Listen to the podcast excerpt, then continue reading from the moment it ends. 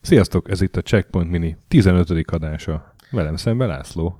Most már tényleg velem szemben. Igen, velem szemben pedig Stöki fordult be. Átrendeztük a stúdiót. Mit szólsz László? Átléptük a tucatot a Checkpoint Minivel. Igaz, hogy már régen, de csak most jutott eszembe. Sőt, tíznél is több beadás készült már.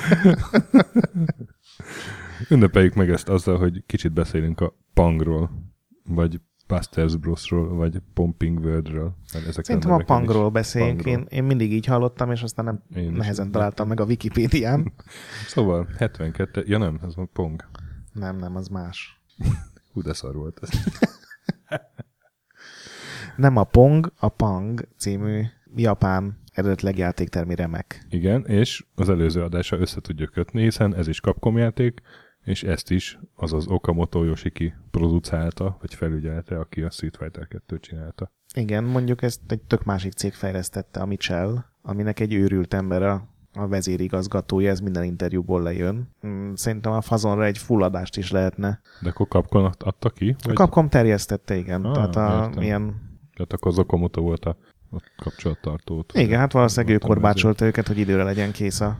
A fejlesztője viszont Uda Toshihiko, akinek ez volt első saját játéka. Ő az őrült, akiről beszélsz? Nem, nem, az ő főnöke, ez egy Roy Ozaki Aha. nevű ember, ő a Mitchellnek a vezetője, és a, ez a Mitchell nevű cég, ez gyakorlatilag a csomó másik japán nagy cégnek dolgozott be, mindenféle játékokat csinálva.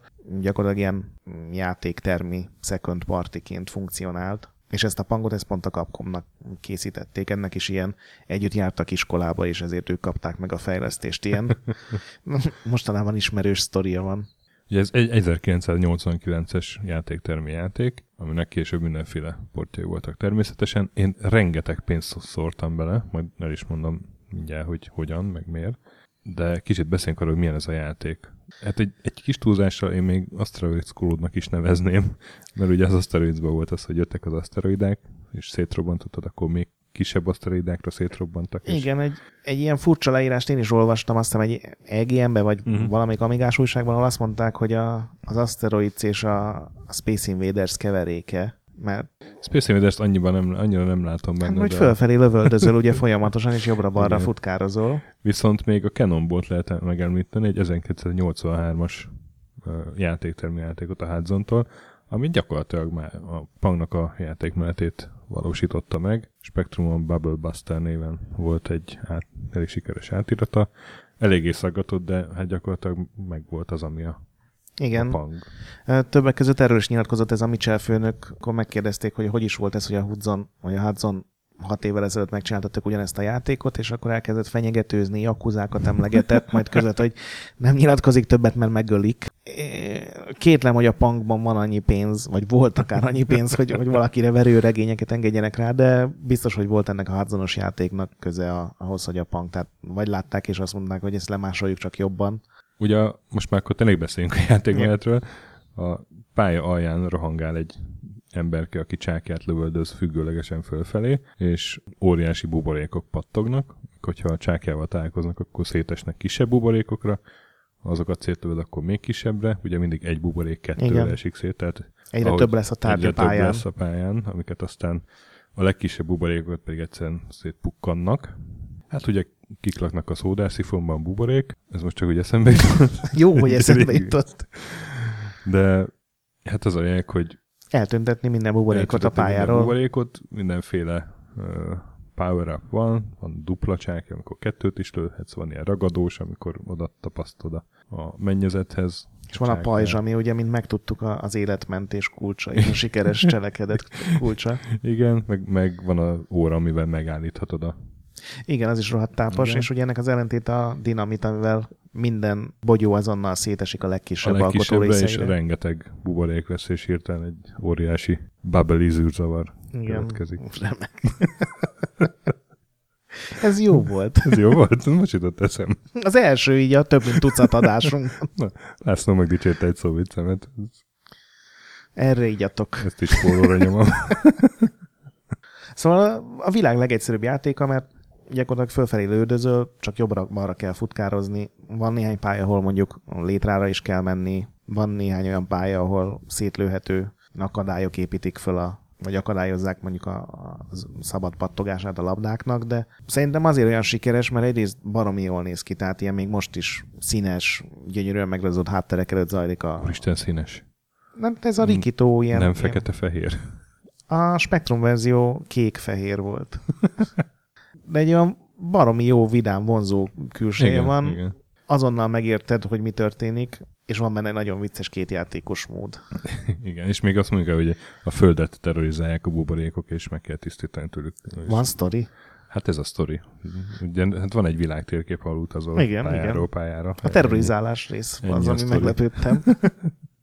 Én mondtam, hogy sok pénzt dobáltam bele. Én azért dobáltam bele sok pénzt, mert ez nagyon alattomosan zabálta a 20-asokat. Nem az volt, mint a Street Fighternél, hogy játszottál két-három ellenfelt leverte, és akkor mehetsz haza, vagy mint a, nem tudom, Terminátor arcade játéknál, hogy az első fő ellenfélnél már elfogyott az Igen. összes életed, hanem, hanem ez a játékban lehetett előre haladni, és akkor előre haladtál három pályát egy 20-assal, és ú, na, akkor Igen. bedobok még, akkor még három pályát. Tehát, hogy és volt- mindegyik pálya olyan, hogy, hogy teljesíthetőnek Igen, tűnik így a igen, legvégéig. Igen, igen. Azt hiszem 50 pálya van a, a játéktermi verzióban, igen. és tényleg az első ötöt simán egy coinnal végig lehet vinni. Mm-hmm.